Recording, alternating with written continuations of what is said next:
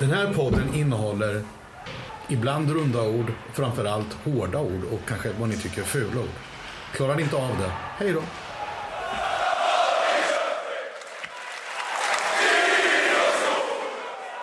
Ja, mina vänner, jag vet inte riktigt hur vi ska lyckas få ihop det här eh, och hålla det här avsnittet kort och koncist till eh, runt eh, 50 minuter, 60 minuters sträcket. Det är lite omöjligt med tanke på att vi har haft en sex, av sexpoängsvecka bakom oss. Vi har en mycket prominent gäst med oss idag som vi kommer komma till alldeles strax. Och vi har dessutom två stycken hemmamatcher eh, den kommande veckan som är ja, eh, någonting av alldeles mest spännande och extra.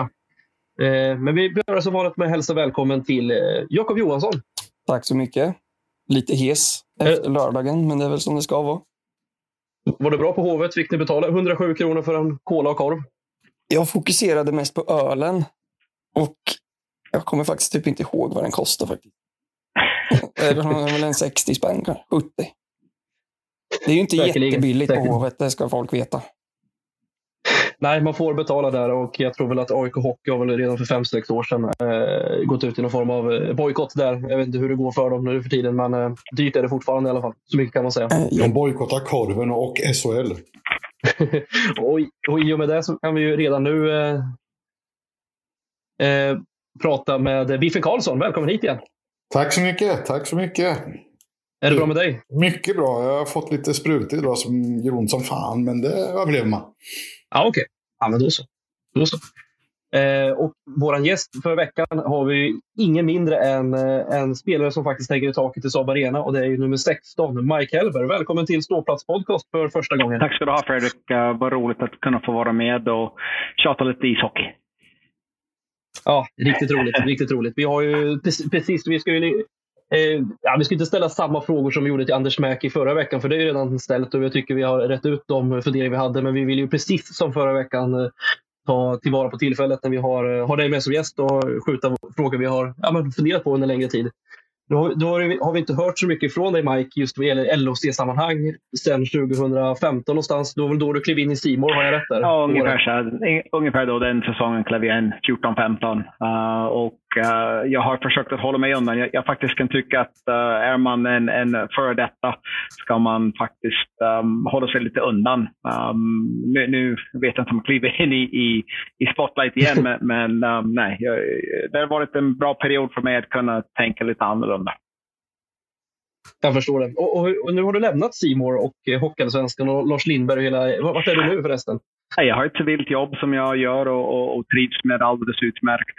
Um, eh, jag hade ju en möjlighet med Simor att kunna jobba ett, ett, antal år till. De erbjöd ett, ett fint uh, möjlighet. Men uh, jag och min hustru är ju snart barnlösa där våra barn flyttar ut. Två har redan flyttat ut och en till. Och att vara borta varje fredag kväll från 1 oktober till sista april uh, och mm. sen halva lördagar. Det är inget bra för att bygga en relation med min hustru. Så jag tackade nej. Um, gjort det i sex år och det får räcka.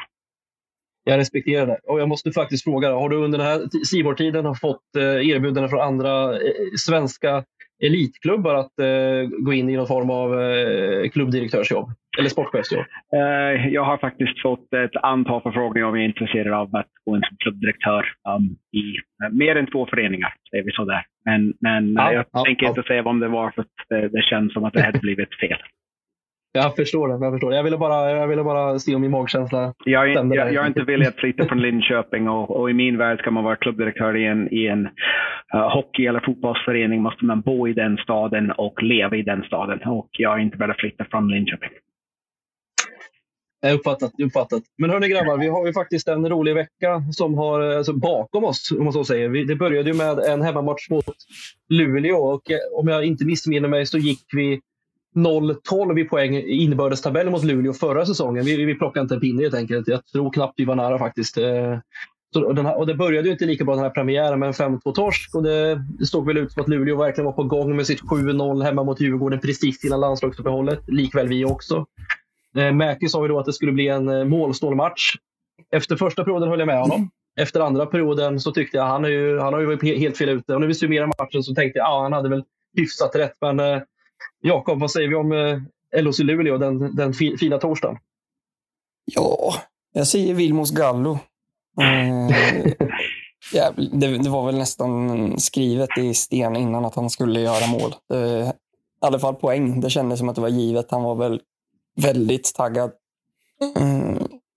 Men eh, hela matchen tyckte jag att det, det var ett bra, bra match. Alltså, när man möter ett sånt lag som Luleå så måste man ju ha ett jävla tålamod. Eh, och inte få någon panik för att man inte skapar några chanser. Och det tycker inte jag vi fick. Utan vi, vi fortsatte på inslagen väg hela matchen egentligen. Och sen så är det klart att eh, de gjorde väl ett mål i powerplay och fick lite luft under vingarna. Men sista perioden så spelade vi som de brukar göra mot oss tycker jag. Mm. De fick inte mycket lägen. De hade väl kanske något powerplay, men annars tyckte inte jag det kändes jättefarligt. Om jag, nu är man på ståplats, man har några öl i sig, jag vet inte. Det... Jag tror de hade skjutit två skott bara innan de fick ett powerplay. Ja, eh, okay.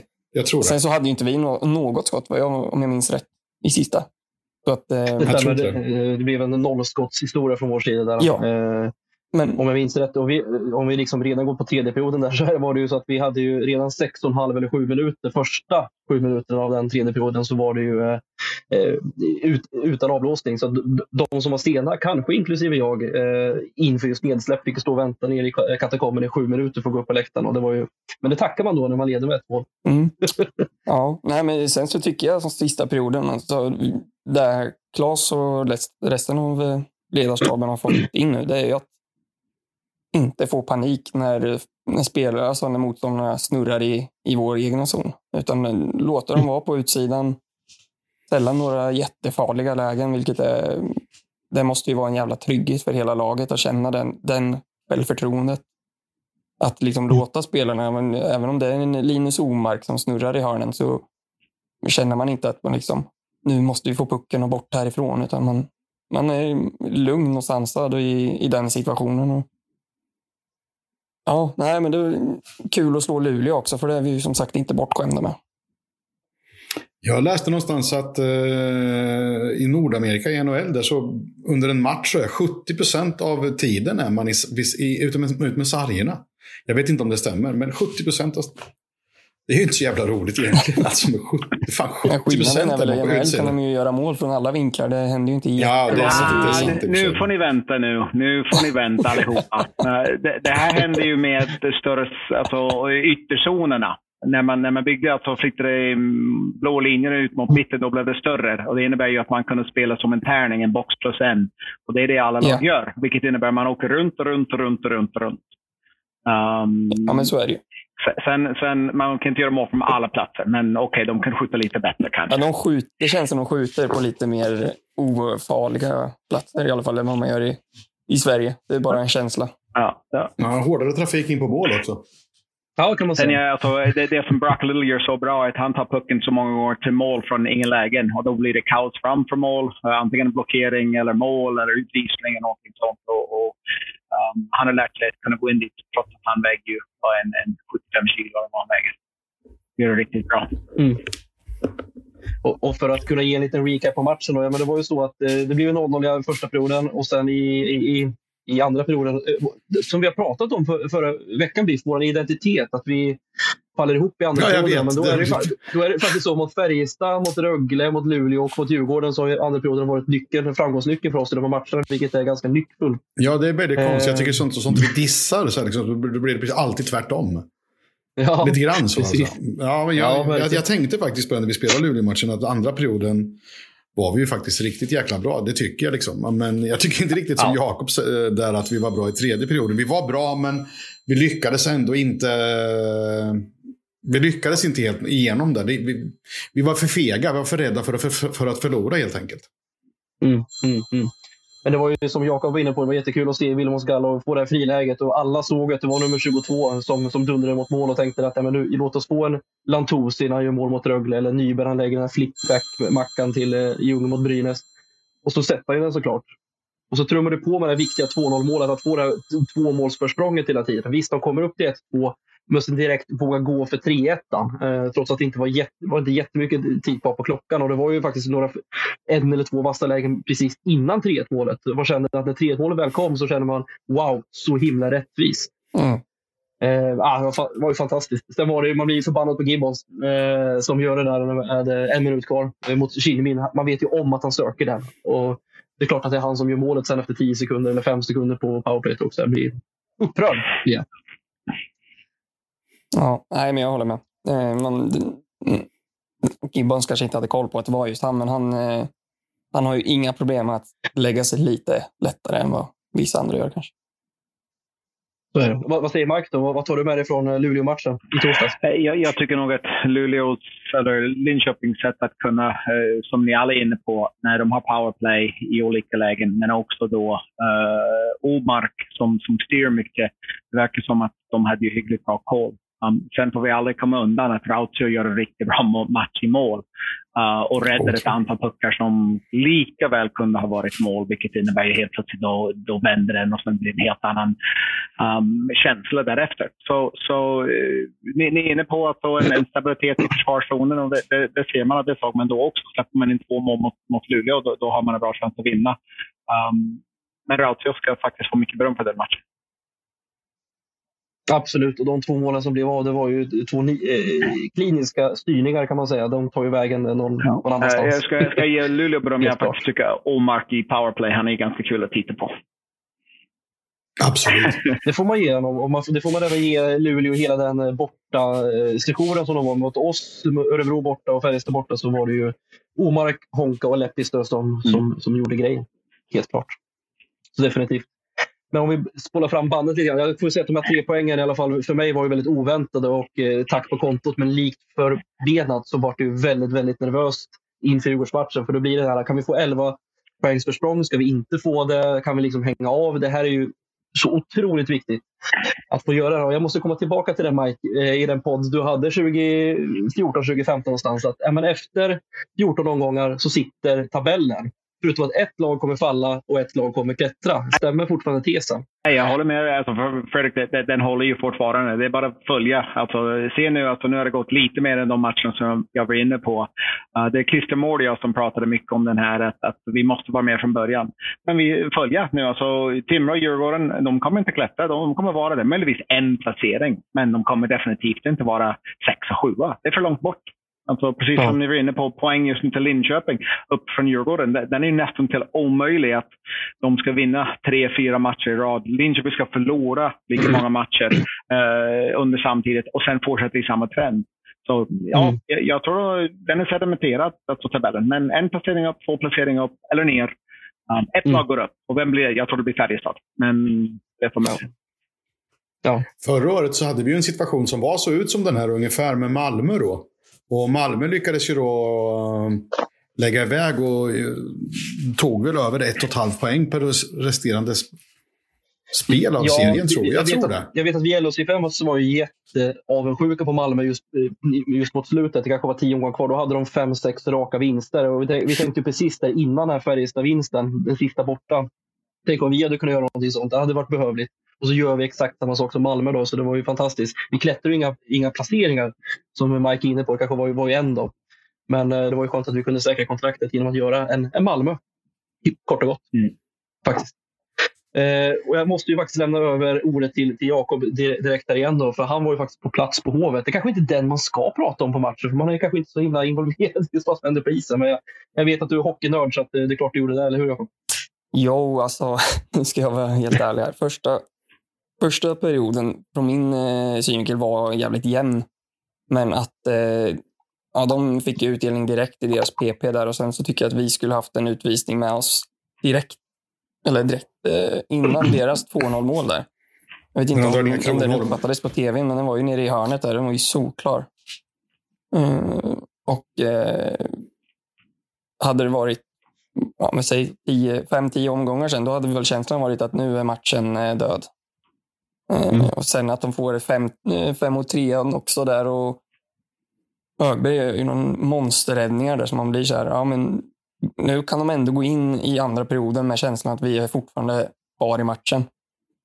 Och sen, ja. mm. sen vet man ju att Djurgården är jävligt sköra för motgångar just nu.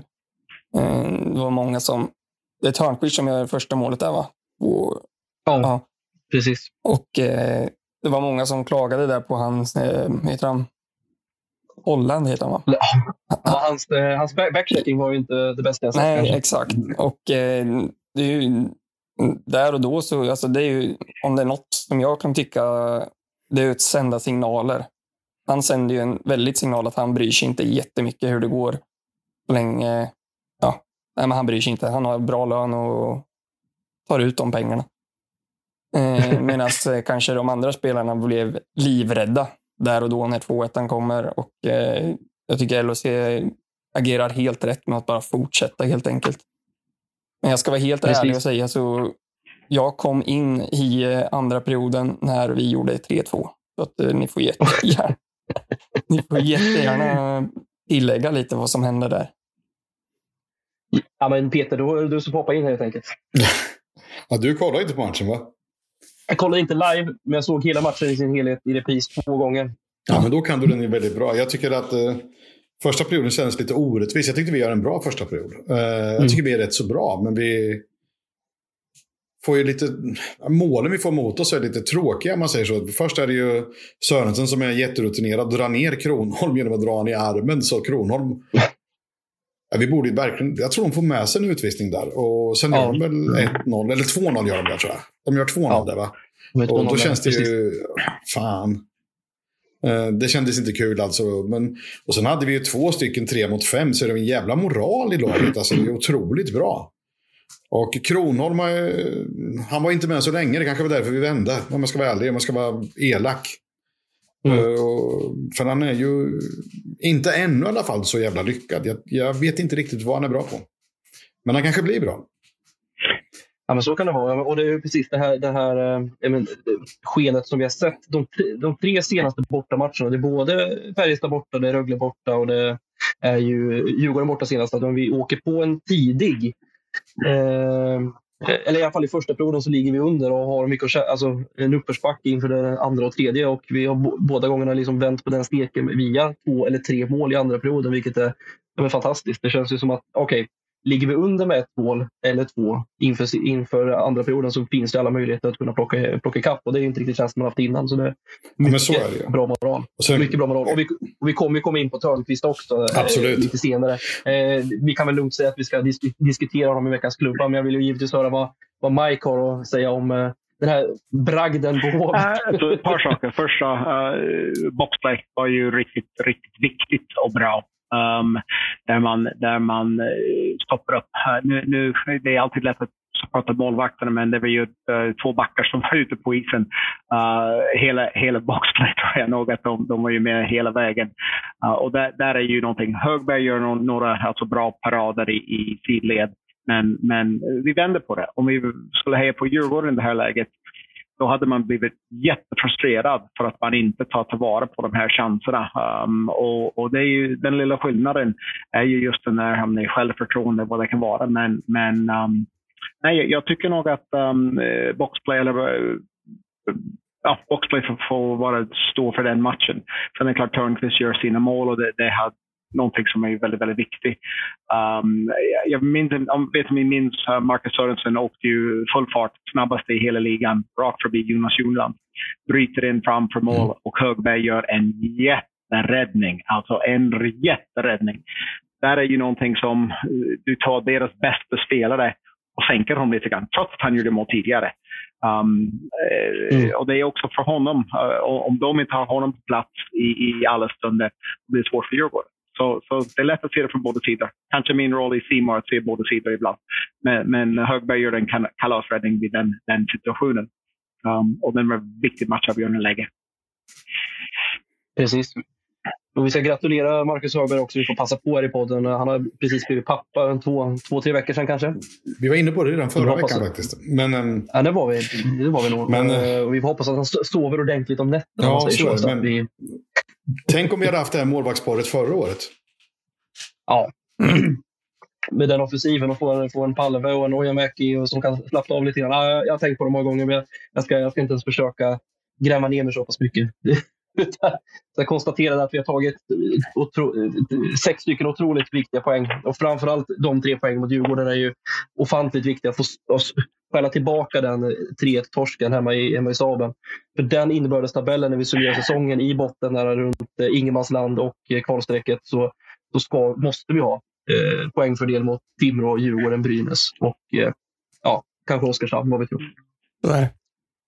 Ja, så är det. Är det, något, är det någonting ni vill tillägga om matcherna som varit i veckan?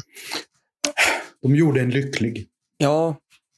Mycket. Det var så länge man sedan man fick en full pott på en vecka, va? Det måste ha varit jävligt länge sedan. Ja, det är mycket länge sedan. Nu är det fyra, fyra raka vinster mm. om man så säger. Så att det är ju... Eh, ja, det, det, smakar bra. Det är kul att vara se det just nu. Vi får se hur det, hur det går. Vi vet ju alltid hur det blir här. För tre av fyra, tre av fyra säsonger eh, har ju Brock Little gått sönder och varit borta i 20-25 matcher. Så att, eh, man sitter ju bara och väntar på domedagarna faktiskt. Ja, vi är ju ganska sköra. Men eh, Djurgårdsmatchen, det var jävligt kul att vara på plats. Även om jag såg inte så mycket av andra perioden. Så tredje perioden Eh, visst, man, var, man är alltid nervös, man ska säga. Det, det kommer man inte undan. Men det kändes ändå som att både vi på läktaren och att LOC ändå var ganska... Alltså de kändes lugna på något sätt. Ett, ett annat lugn och ett annat självförtroende när man försvarar. Att man känner att man... Mm. Ja, det, det,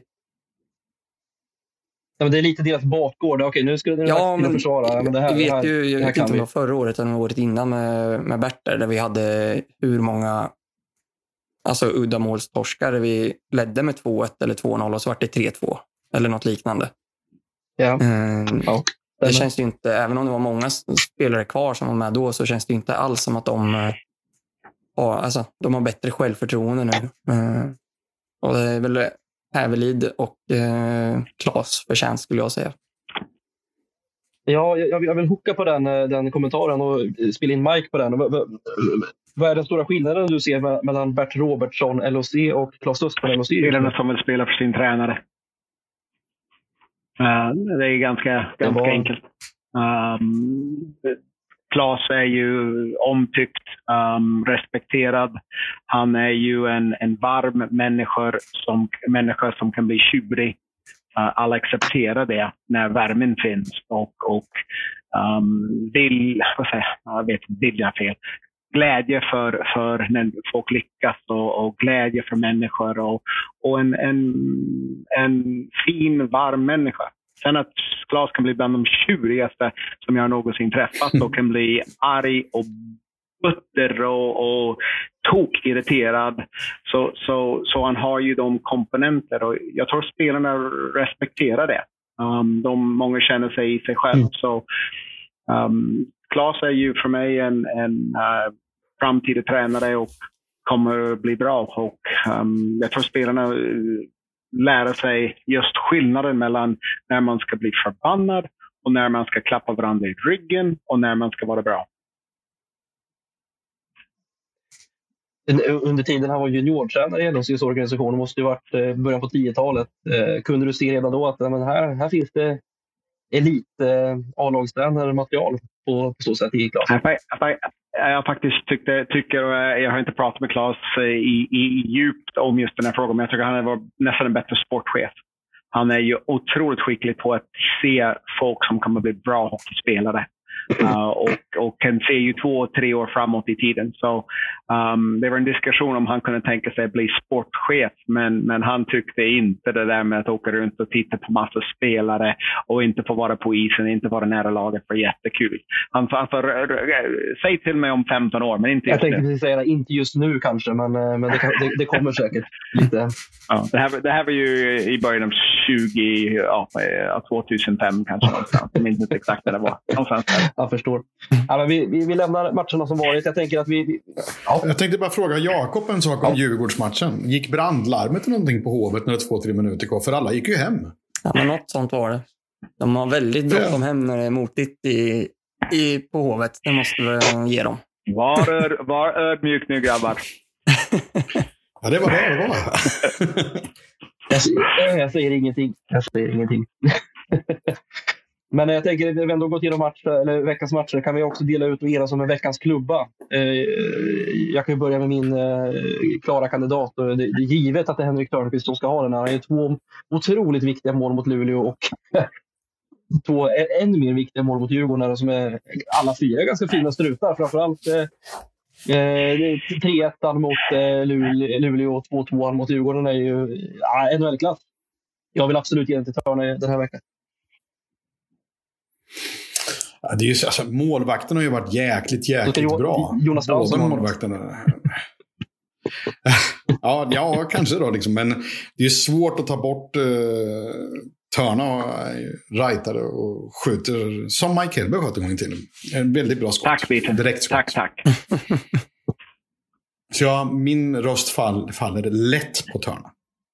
Ja, men jag, jag håller med. Eh, jag, så, eller jag pratade med farsan innan Luleå-matchen. Vi pratade faktiskt om Törnqvist där, om hans framtid och eh, att vi, både han och jag har ändå liksom, man har alltid varit, eh, man har alltid sett att det finns någonting där. Men det är inte alltid han får ut det. Man skulle vilja att han var lite mer kaxig ibland och att kanske lite på ovanliga områden också. Inte bara hitta det perfekta läget utan var lite rivig, var lite kaxig och sluta göra frånvändningar i hörnen också. ja, han, han hamnar jävligt ofta på utsidan. Ja, men han har ju styrkan och storleken för att egentligen kunna vinna en, eh, en sargduell. Men det känns som ibland att han inte litar på sig själv riktigt utan att känna honom överhuvudtaget, säger jag så också. Mike, du har ju följt eh, Törnqvist genom många, många år, från när han var ung också. Vad, vad är din eh, syn på hans utveckling?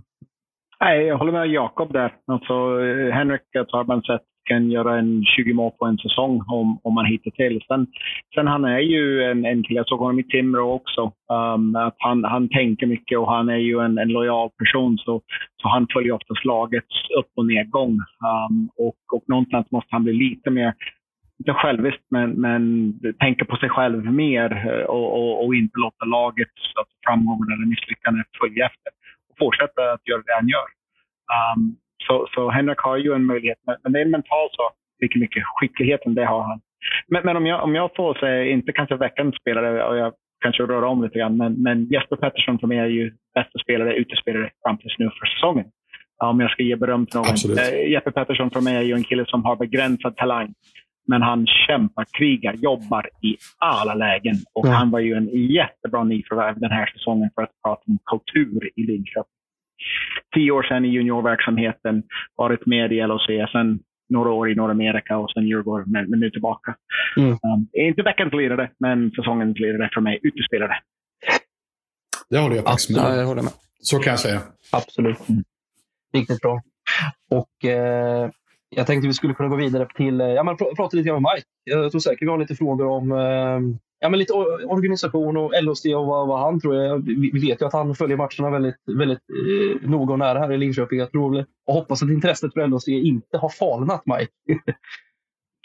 uh, jag, jag, har ju hittat ett sätt att på något sätt kombinera hockey med, med annat. Men, men um, jag, jag tror inte jag kan någonsin bli lika involverad som jag var då när jag jobbade som klubbdirektör.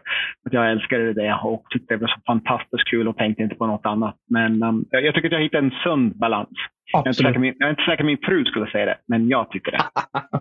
så kanske det aldrig kommer bli. Så kanske det aldrig kommer bli. Mm. Men jag går, väl, jag går rakt på sak med min fråga helt enkelt. Ja. Vart, vart, vart är LOC eh, inom tre år? Uh, tänker vi placeringmässigt eller tänker vi föreningsmässigt? Då pratar vi bara pratar vi A-laget också, eller? Förening, absolut. A-lag, hela faderullen. Uh, så för, för mig, alltså, som det ser ut just idag um, och vart man är om tre år. Um, ungefär där man är. Um, som Klas är kvar och man hittar en, en stabilitet över år. Okej, okay, man klättrar upp kanske till en femte, sjätte plats någonstans. Um, och det kanske det Linköpings HC ska vara, vad vet jag. Um, men men eh, jag tror inte det finns någon raketväg upp till toppen av tabellen som, som man har just nu.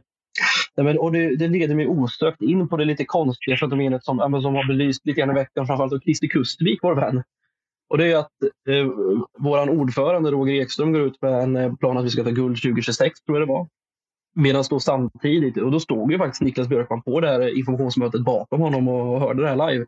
Men en vecka senare så säger ju han, eh, Pajen Persson och Claes Östlund att nej, nej, så ska det inte vara. Vi, vi kanske är topp fyra 2026. Och då låter ju snarare Noccos, Pajens och eh, Klas vision närmare din, Mike. Och så säger. Men, men hur, hur, kan, hur, hur är det möjligt att de här visionerna inte har synkats internt innan man går, går ut med det externt till aktieköpare och medlemmar och allt vad det är. Jag, jag, jag förstår inte riktigt det. vi, vi, kan prata lite mer om, om den här sen, men jag ska för, förklara lite grann vad det hela. Um, alla känner, mm. känner sig pressade. Um, man vill ju på något sätt leverera någonting som, som just nu är ju svårt och de, alla känner tryggheten efter sex poäng. Um, kommunikation. Uh, och eh, om jag går tillbaka till min tid, jag pratade med Christer Moore varenda dag flera gånger. Jag pratade med Johan Hemlin varenda dag flera gånger. Jag pratade då med Anders Mäki varenda dag flera gånger. Och, och, inte jag, de pratade med varandra också. Så vi var ett gäng som pratade med, med varandra. Och i det här fallet gissar jag att de hade inte riktigt kommunicerat fullt ut. Och det, det visar bara att, att um, under press man kanske säger saker. Så uh, Nocco skulle kunna ha gjort det lite lättare och sagt att vi ska bli bättre för varje dag. Um, och jag hoppas att vi vinner. Eh, eller det kommer hjälpa oss vinna. Um, att, att den, den klyftan mellan styrelsen och, och ledningen, jag tror inte det är lika stor som det kanske lät i en, en meningsartikel. Men, men det är klart att det var ju inte superbra um, när man inte, inte eh, pratar med. Men jag, jag går tillbaka till kommunikation um, och jag tror de red ut det ganska snabbt därefter. Um, och när jag säger Klas, tjurig som jag nämnde för tidigare, det är sådana här grejer som han går till i spinn på för att han tycker att eh, utan rätt förutsättningar är det inte möjligt. Um, så, så, så någonstans, det, det, måste kommunicera, prata mer, prata mer, prata mer. Och, och det får vi sätta det här åt sidan och säga ett misstag, uh, det får hända. Uh, så alltså, Noko är ju är ung, eller ny i det här jobbet och, och han och Roger lär känna varandra. Så, så um, nej, det var inte bra, men, men uh, man får gå vidare. Absolut, och det går inte stick i stäv med vad Nocco sa till oss. Vi intervjuade honom för just den här podcasten, men då sa han ju det att ja, men vi, LHC har i runda slängar 168 miljoner i omsättning per år, tror jag det var i alla fall. Eh, och, då, eh, och han ser att det, det är väl ungefär där vi kommer ligga inom en femårsperiod och planen är att eh, vi ska komma topp fyra för då har vi chansen att eh, gå långt. Man vet aldrig vad som kan hända. det, det, var liksom den planen han, han kommunicerade till oss. Då. Ja, och det, det, det var ju lite mer kaxigt, även fast vi tyckte om det. Det sa ju Niklas Wilhelmsson också när han gästade podden. Att, Nej, jag älskar kaxigheten. Mm. Men den var ju ganska ja, inte förankrad. Det, det, det, är lite där jag tycker är lite, lite märkligt. Men, men det är klart att det är kommunikationsmiss. Sen, sen, sen, sen den andra biten är att alla känner sig lite pressad. Man vill ju vinna matcher. Man vill ju vara lite högre upp i tabellen. Man vill på något sätt vara lite bättre. Och det, det är, ju, det är ju saker som, som händer i, i den situation, situationen. Um, så, så eh, jo, jag, jag tyckte att det var ju kanske inte helt rätt. Men, men återigen, släpp det, gå vidare. Ja, ja. Mm är det, är det inte så att man måste vara väldigt ja, men, ambitiös i sina visioner inför i alla fall sponsorerna? Jag tänker att hur skulle sponsorerna reagera om man då säger att ah, play-in är kul? Det är en dilemma. Um, och, och, och jag, alltså, om, om jag ska då prata om vad, vad, vad, jag tyckte att var bra när jag var med och, och jag ska då tänka på två man vill andra sidan. Jag går tillbaka till den här fyra. Det var fyra personer som pratade med varandra varje dag och alla fyra hade en, en om inte gemensam mål, extremt tydlighet. Lägg till då er, eh, Lars-Erik Jonsson är arenan och allt vad det innebär som är just vice ordförande. Um, ehm, och, och, och någonstans, det är där alla, alla de här drömmarna började, när, man, när fyra personer driver på. Och jag tror inte det finns fyra personer som är så tajta idag. Um, och det, det, är ju ett ensamt jobb att vara där. Alltså det är ensamt för, för alla när man, är, när man har en sån här plats och, och blir utsatt. Så, um, om jag hade önskat någonting, jag hade önskat att man skulle skapa en lite tajtare team um, med, med flera människor och de fyra skulle vara överens. Um, och det är inte säkert att Christer var alltid överens, eller Mäki eller, eller Hemlin, men vi, vi hade ju en otroligt dynamiskt samtal hela tiden. Och det, det säger jag ju på något sätt en, en väldigt stor del av uh, varför vi upplevdes viktig. Um, och ja, vi satte upp mål folk, vi stack ut hakan. Folk gillade det. Jag tror att den är jätteviktig inom idrottsvärlden. Folk vill gärna sticka till den andra um, lagen och sånt där. Och, och, men det är ju att vara mellanmjölk inom, inom idrottssverige, nej, det, det tror jag nog inte jagar igång folk på samma sätt. när LHC stack ut hakan så tyckte inte Peter Valatin om det om jag minns rätt. Men, det, är många, det, det är många som inte gillar det så. Men folk i, men folk i Linköping älskade oss. Det är skillnaden.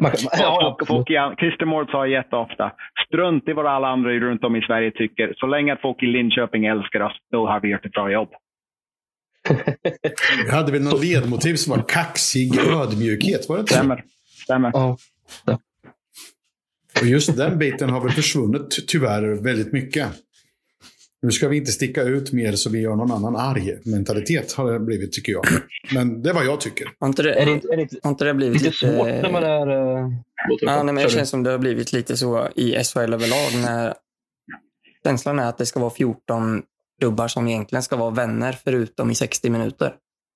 Man får inte, som ni säger, sätta kniven i någon eller någonting för då, ja, då är man körd i nästa styrelsemöte när man ska sitta där med 13 andra klubbar som säger att så där får du inte göra. Eh, bara en känsla som jag har att just nu är det 14 klubbar som, ja, det, fokuset är kanske inte jättemycket hela tiden på det som händer på isen utan att man ska, man ska vara vänner i, i, eh, i styrelsemöten och sånt här. Bara en känsla. Uh, Jakob, jag tycker det är en jättebra analys. Och, och det, det, är ju en, allting är ju en tidsfaktor, alltså vart det händer. Mm, Johan Hemlin har gjort ett fantastiskt arbete för att få ihop en, en grupp som inte bråkar över spelarövergångar eller, eller trades eller, eller någonting annat. Han, han har skapat en otroligt bra system från, från en regelmässigt sätt. Men ingen blir riktigt förbannad på varandra. Uh, man, man skriker inte gapar mot varandra. Och det, det, det, kanske är utveckling och det är kanske bra. Men, men jag, jag tycker du har ju en, en viss poäng. Um, att, att det är ju broderligt um, men ändå um, man vill inte gå för långt. Uh, så, så det, det, är alltid en fråga. Jag, jag, jag, älskar matcher utan mediekub. För att man hade egentligen ingen sanning över hur det verkligen var i, i matchen. Eh, om någon blev trippad eller någonting annat och man fick inte se det på mediekub, då var alla förbannade för alltid i princip under matchen. Nu tittar man upp på mediekuben och man ser den och säger oj, det var ju tripping, bra domare, okej, vi ska inte skrika åt det längre. um, men, men, ja. men jag tycker din analys är bra. Eh, det var lite skillnad när du satt och bråkade med Glennert och Agnes Simonsson kanske. Vad vet jag, Nej, det var Kent Norberg i Timrå var värst när, när Kent Mandeville körde över Northern i slutspel. 2004. Jag kan tänka ja. mig det. Jag kan tänka mig det. Och jag, har, jag har en fråga jag vill dela upp i, i, i två, två avsnitt, egentligen två frågor. Då. Det ena handlar om pengar. Mm. Den andra handlar om kompetens kopplat till LOC. Här då. Eh, jag börjar med pengar. Då. I, I pengaväg, vad har nuvarande LOC-förening eh, eh, inte som ni hade? Eller har de någonting som, som ni inte hade? I pengaväg. Mm. Hade ni mer att röra er med?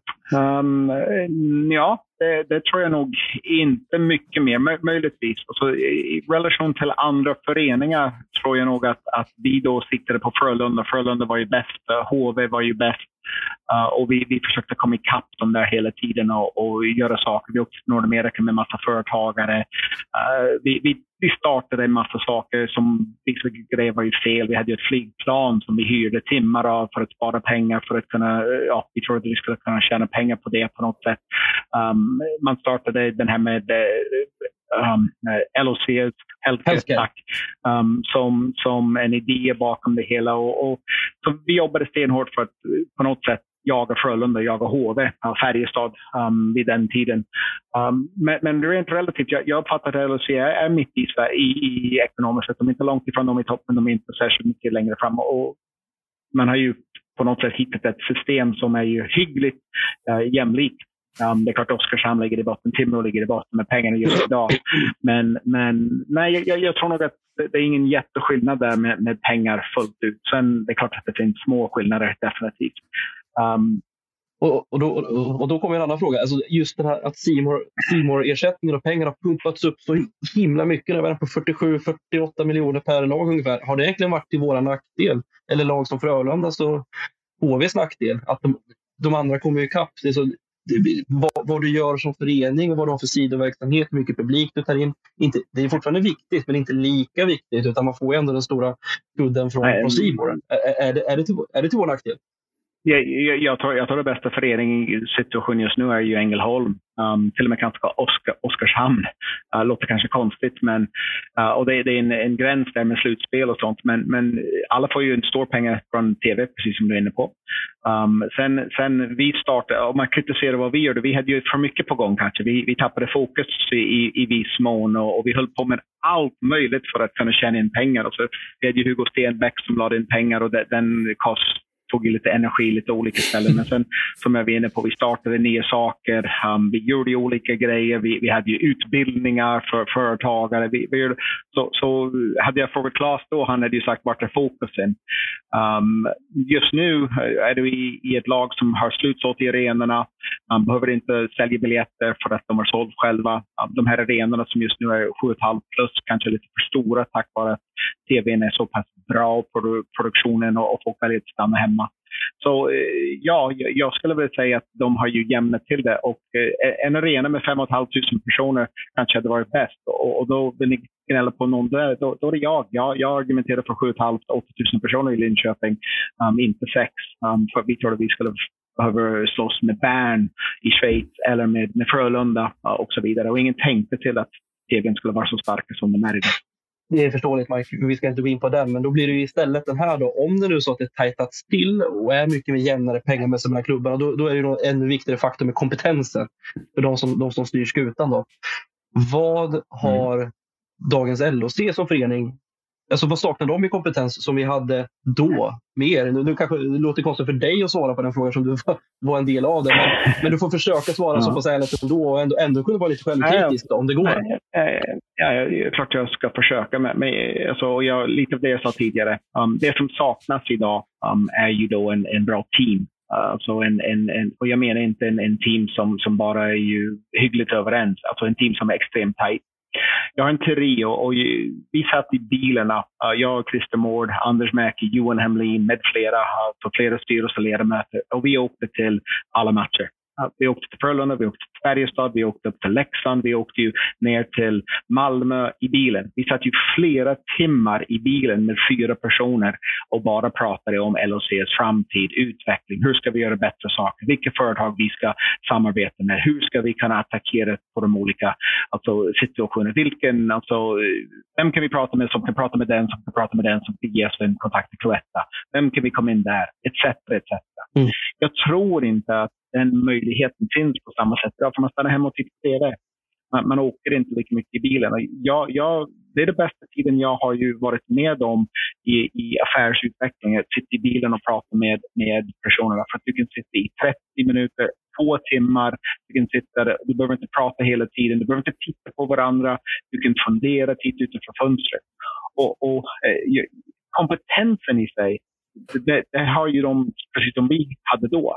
Men att vara så tajt, att vara så otroligt um, överens om så många viktiga saker.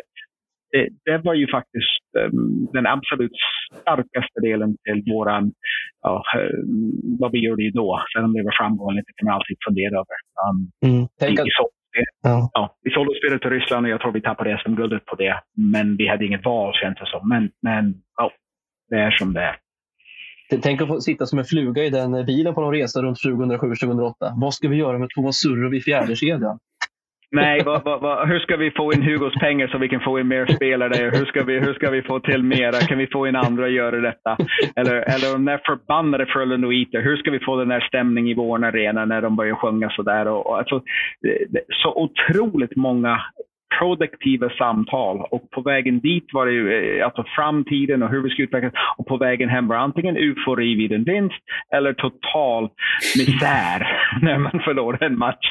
Um, och, och den, den känslan, alltså jag tror inte de har det idag. Och det är inte för att de inte skulle kunna ha det, men det är en tidsfaktor. Vi, vi, den tiden lade vi på det. Och vi åkte ju land och rike runt för, för vårt lag. Jag, jag, kan säga till lyssnarna, det här tror jag inte många lyssnare har koll på, förutom de som var uppe i Övik 2007 i match 4, eh, match 4-5 någonstans där. Då var det, Mike hade åkt på alla, samtliga matcher i slutspelet och varit uppe i Övik till, till match 2. Eh, för det var så det var på den tiden. Det lägsta rankade laget började hemma. Och sen var det två raka hemmamatcher för det högst rankade laget. Och inför match 5 så stannade Mike hemma i Linköping. För han sa, jag betyder otur. uppenbarligen. Vi har inte hunnit i Övik ännu, så jag stannar heller hemma. Och det var ju väldigt nära att vi just tog match fem där. Eh, jag tror vi vann skottet med 18-3 i förlängningsperioden någonting innan någon, någon finländare satte in något slagskott. Ja, ja någon, jä, någon jäkla Karel Krishan, den, den lilla stumpiga slovaken var bra. Men ja, ja, vi ska inte prata om det. Absolut. Men har, har jag rätt om historien att du stannar hemma av vidskepelse? Det är faktiskt var så.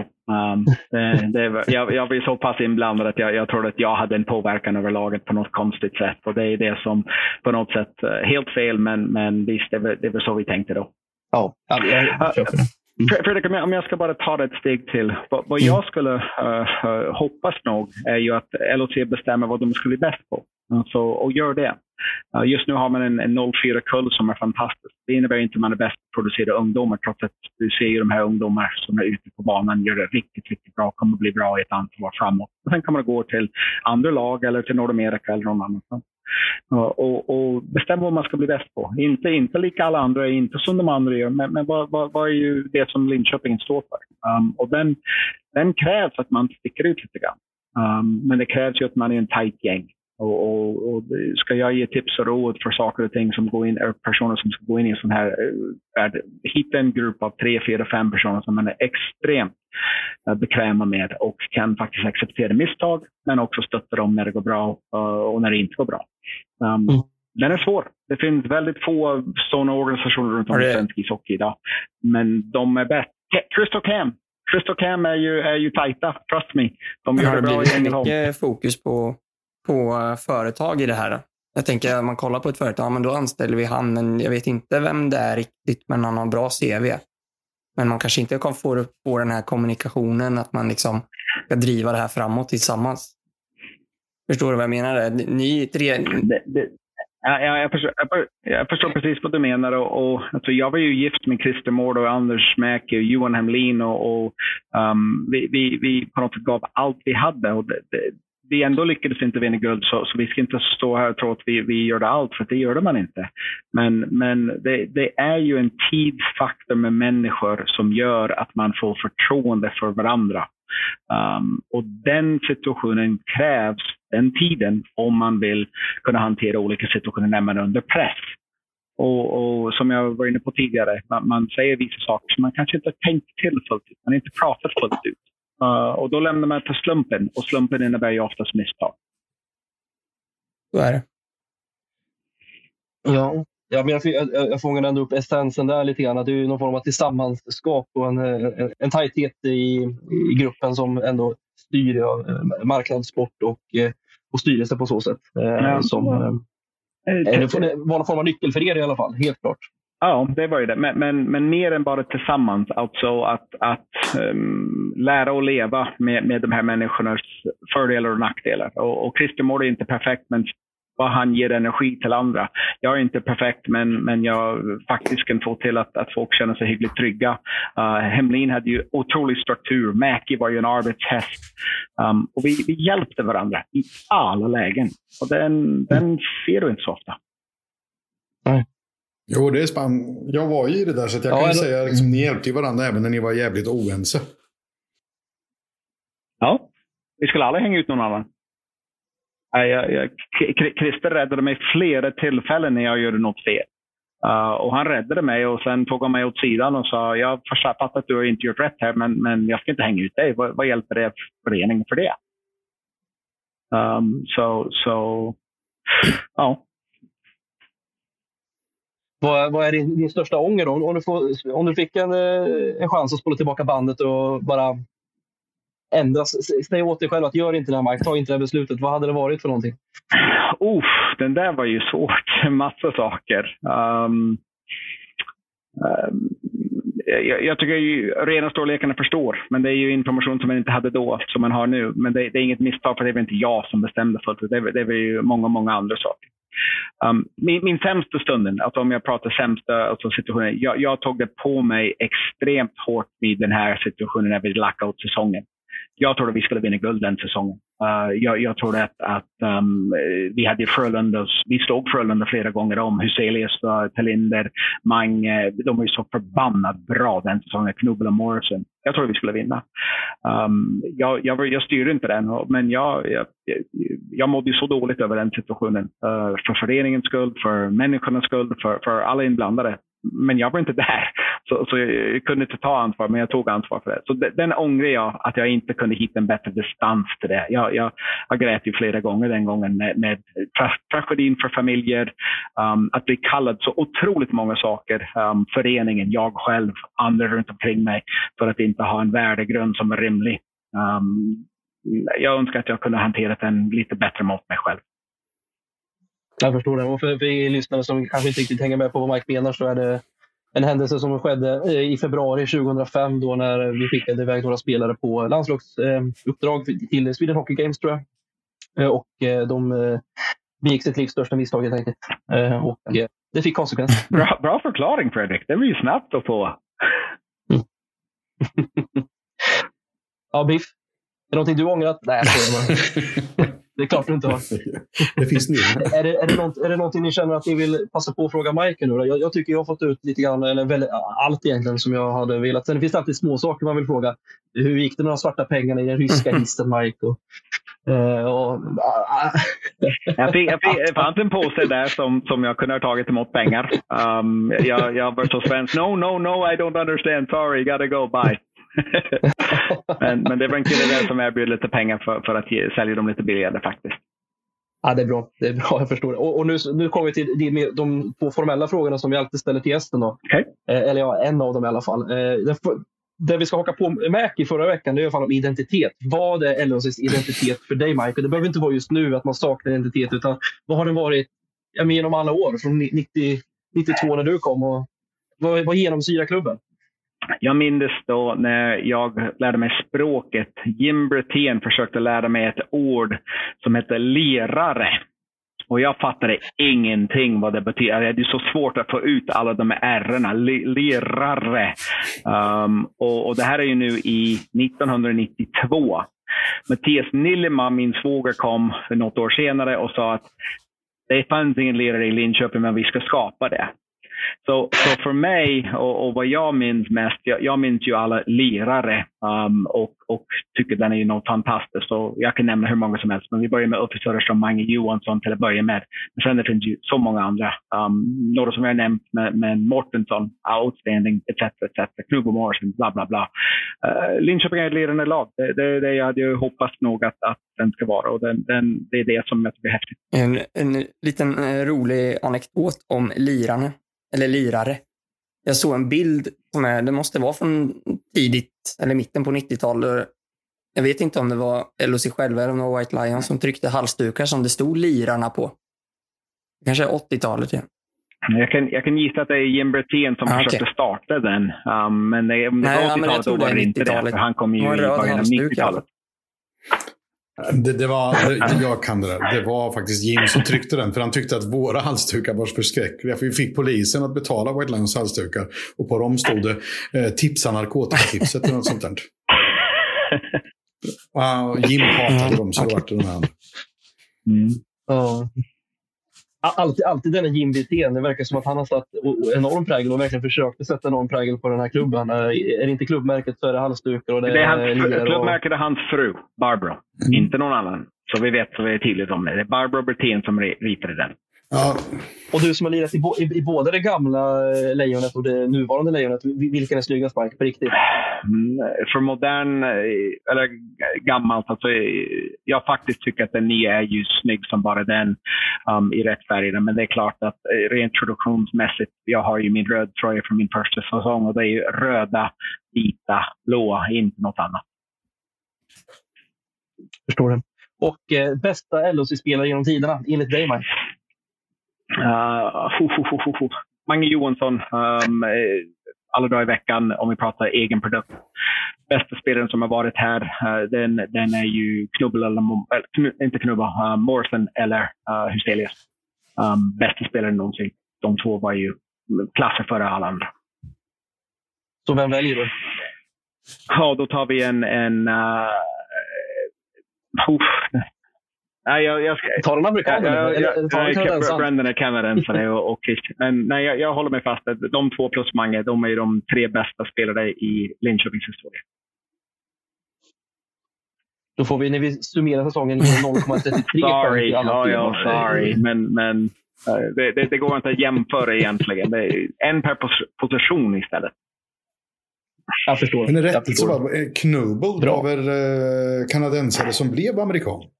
Nej, men lägg av Biffen. Knubel är ju från Michigan, Kalamazoo. Han och jag spelade i college ihop och han är ju från Kalamazoo, men han är ingen kanadensare. Ja, då, jag fick för mig det. Nej, första, första gången du har spel om historiken i LHC-beefen. Nej då, inte första gången, men jag har det ibland. Så, så är det.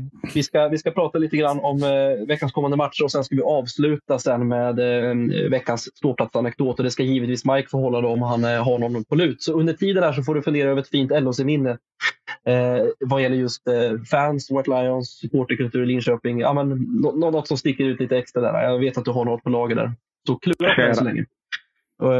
Och veckans matcher då. Eh, först vill jag ge en shout-out. Han borde egentligen också få en liten längre veckans klubba, Gustav Dohan eh, på LHC, som har pumpat ut grejer i sociala medier hela den här hösten faktiskt. Och eh, gör jättefint content och framförallt då eh, de filmerna som visar ståplats och framförallt borta ståplats då, så vi får se hur grabbarna har det när de är, när de är borta i, ja, men i Karlstad eller på Stockholm eller i, eller i Örebro till exempel. Då. Eh, otroligt kul och uppskattat. Eh, kanske främst shoutout till hans mustasch som är helt magisk just nu. Då.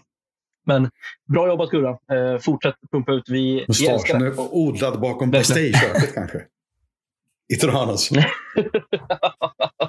Nå någonting sånt. Men vi har ju verkligen en spännande vecka. På torsdag, det är två hemmamatcher. Eh, och det är ju först ett Leksand som har, alltså det de är ju iskalla just nu. Jag vet inte hur många raka torsk de har de har mäktat med faktiskt. Fem stycken, säger Jakob. Eh, har ju lite skador, då, Mikael Rohoma och Kalle Schelin. Så jag tror han klev mm. av sist också. Vad, är, det, det. vad heter han? Jävligt bra back. Ja, han klev ja, också. Ahnelöv ja. Mm. Stämmer. Han spelar säkert. Han gör säkert mål också. Men det spelar ingen roll. Jag, jag vill se Törnqvist fortsätta spruta in och, eh, och allt det där. Och det är det som blir lite konstigt när vi möter ett iskallt lag som faktiskt är bättre och skickligare på pappret. Det är ju Leksand. Och så har vi ett stekhett lag i Timrå på lördag. Eh, alltså, ja, som kanske inte är lika skickligt eh, på, på alla fronter i alla femmor då helt enkelt. Men vad, om vi börjar med Leksandsmatchen, vad, vad, vad, tror vi om det? jag kan börja då. Först och främst räknar jag, jag pratar om, pratar om supportrar så är det så att eh, de kommer vara en hundra personer kanske på deras ståplats. Eh, de låter lite grann och så råkar, Rexan, råkar Leksand göra mål. Då är det 3000 med läxingar helt plötsligt i Saab Arena och alla har grå peruker och det är någon slags tifo. Och de vet inte vart de ligger i tabellen men de är på Leksand. För det har de alltid gjort och deras mamma och pappa också gjort. Det är klassiskt lag som, inte de, som jag tycker spelar jävligt rolig ishockey och jävligt trevliga människor. Men otroligt jobbiga fans som är på Leksand och Hammarby sägs det. eh, ja, men, vad tror du om torsdag? Nej, det är ju bara att köra på, tänker jag. Alltså, jag sa, det måste varit innan uppehållet de mötte Färjestad. Där. De, de var ju iskalla då. Nu har ju de såklart mer press på sig, men då, då sa jag att jag ville se lite mer kaxighet och jag tycker det är bara att fortsätta med det. Ehm, och sen som vi sa, Törnqvist, han kan få jättegärna vispa upp några. Mm. Ja, men exakt. Och det, är, det är hela tiden där att jag vet ju, så skulle vi ta sex av sex poäng kommande veckan igen, då skulle man ju egentligen kunna säga att ja, men nu, nu är playout ganska säkert, inte säkert, men lite längre bort i alla fall. Men jag kan inte säga det, för jag ser att Brynäs plockar upp tre raka vinster. Jag ser att Timrå gör likadant. Djurgården eller bara ligger där och väntar eh, i vassen, för jag vet hur Djurgården funkar. De kommer ju trampa igång. Eh, så jag, jag, jag, jag, sex poäng behövs ändå, det är det jag vill säga. Och, och mot, mot Timrå så kan vi inte förlora. Det går inte, för då har vi nästan lapp på luckan. Sebbe ska hyllas. Det är ett jäkla drag. Vi är glada. Alltså det, det, det, de, de kommer, det går inte. Det, det, är ingen, det är ingen trött tisdagsmatch som Timrå kan överraska och säga picka ja, till. Utan det är ju på direkt. Får jag en syn, får jag en syn om Leksandsmatchen? November. Absolut. Uh, de har ju Absolut. en, en poängligaledare, jag tror att det är Veranne nu, eller Veranne nu. Tack. Han leder ju och det är mörkt i Sverige nu. Sen har du en eh, Klos, eller Klos, Justin. Eh, han har också gjort en massa mål. Inte vilken mål. Och sen Carter Campbell. Alltså, jag tror de är tre mest målgörare i det laget om jag har ju rätt för mig. Um, och, och, det är mörkt november um, och de går ner. Transatlant har alltid gått ner um, i november månad. Sen kommer de upp efter jul någonstans när familjerna mår bra igen. Men just nu kommer Leksand ha det svårt. På grund av det är en massa transatlanter. Och det är inte kul att bo på Leksands campingplats. Nej, det, det, är en annan sak. Timrå däremot, Timrå är ju het just nu och, och, jag tror inte det är ju en lätt match faktiskt. Jag tror det är en tuff match. Men, men mm. Får vi se om Jakob Johansson, vår kära vän, eh, får uppdraget mellan stolparna på lördag. Mm. och om det blir en, en, en bästa vän-fight mellan honom och Marcus Sörberg vad det lider. Det är mycket att se fram emot och vad prognosen i biljetterna ser ut så kan det bli uppåt 7000 i båda matcherna. Då. Det är tifo på lördag också. Ja, kul att gå på Hockey Linköping just det nu. Det är enligt det är prognosen jävligt ja. mäktigt. Och... Ja, exakt. Det ska hela Sebbe också då? Sebbe ska mm. hyllas. Och det, mm. det, det är där det mm. handlar om. Är det, är, det någon som vet, är det någon som vet på vilket sätt eh, upplägget eh, är gjort där? Ska det bara vara eh, hur, hur, ska det gå till? Alltså en hyllning för en, en, en individ som inte spelar så att fråga faktiskt. Eh, eh, jag vet att eh, Niklas hade kontakt med LOC idag. Jag är inte helt uppdaterad hur det ska se ut, men eh, han ska bli hyllad i alla fall. Det hoppas jag att hela Linköping sluter upp på. Han har ju varit en krigare i över tio år i LOC. Så att, Utöver, krigare är en fantastisk person som ger energi till andra människor. Jag såg en, en, en häftig t-shirt uh, som, som är framtagen för detta um, mm. idag på Facebook, tror jag att det var. Um, och det, uh, så, mm. så, exakt hur det ska se ut vet jag inte, men en t-shirt som är häftigt och Sebbe är värd varenda grej. Vilken energi, vilken människa. Um, positivt och, och en bra representant för LHC på alla sätt och vis. Precis, och det är allas vår vän David Einar, även han som gjort introt då, som har tagit fram den här t-shirten. Och eh, samtliga personer som eh, går på matchen i Saab Arena på lördag kommer att få med sig ett eh, exemplar hem, helt enkelt. Eller att ta på sig under matchen.